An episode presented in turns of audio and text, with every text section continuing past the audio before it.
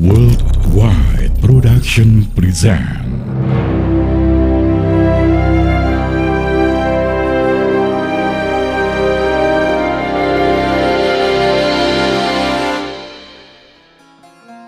Assalamualaikum warahmatullahi wabarakatuh.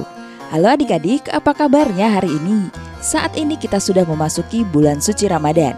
Itu tandanya kita seluruh umat muslim wajib menjalankan ibadah puasa Semoga selalu diberi kelancaran dalam berpuasa ya adik-adik Kali ini Kak Yaya ingin bercerita tentang kisah-kisah yang ada pada zaman dahulu kala Yang tentunya patut kita teladani ya adik-adik dan ambil hikmahnya kalau begitu, Kak Yaya mulai saja ya ceritanya. Jadi, selamat mendengarkan.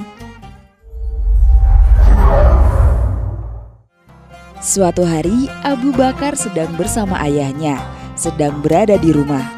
Kemudian, ayahnya menanyakan satu hal padanya.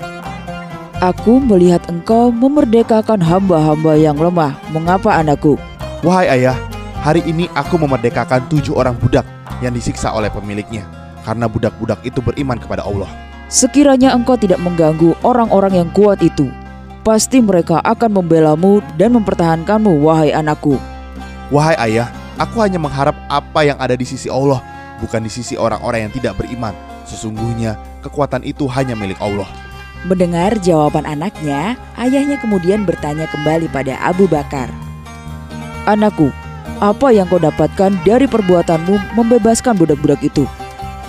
Wahai ayah, sesungguhnya aku mengharap dan mencari ridho Allah yang maha tinggi. Teladan yang dapat diambil adalah melakukan perbuatan baik untuk mengharap ridho Allah semata bukan mengharap pujian dari seseorang. Allah telah menjanjikan hadiah kepada orang yang berbuat baik yaitu pahala dan surganya. Baiklah adik-adik, sampai di sini dulu ya. Nantikan kisah-kisah lainnya di podcast Cerita Nabi dan Rasul. Sekarang Kak Yaya pamit undur diri dulu. Insya Allah kita akan bertemu kembali. Selamat menjalankan ibadah puasa ya.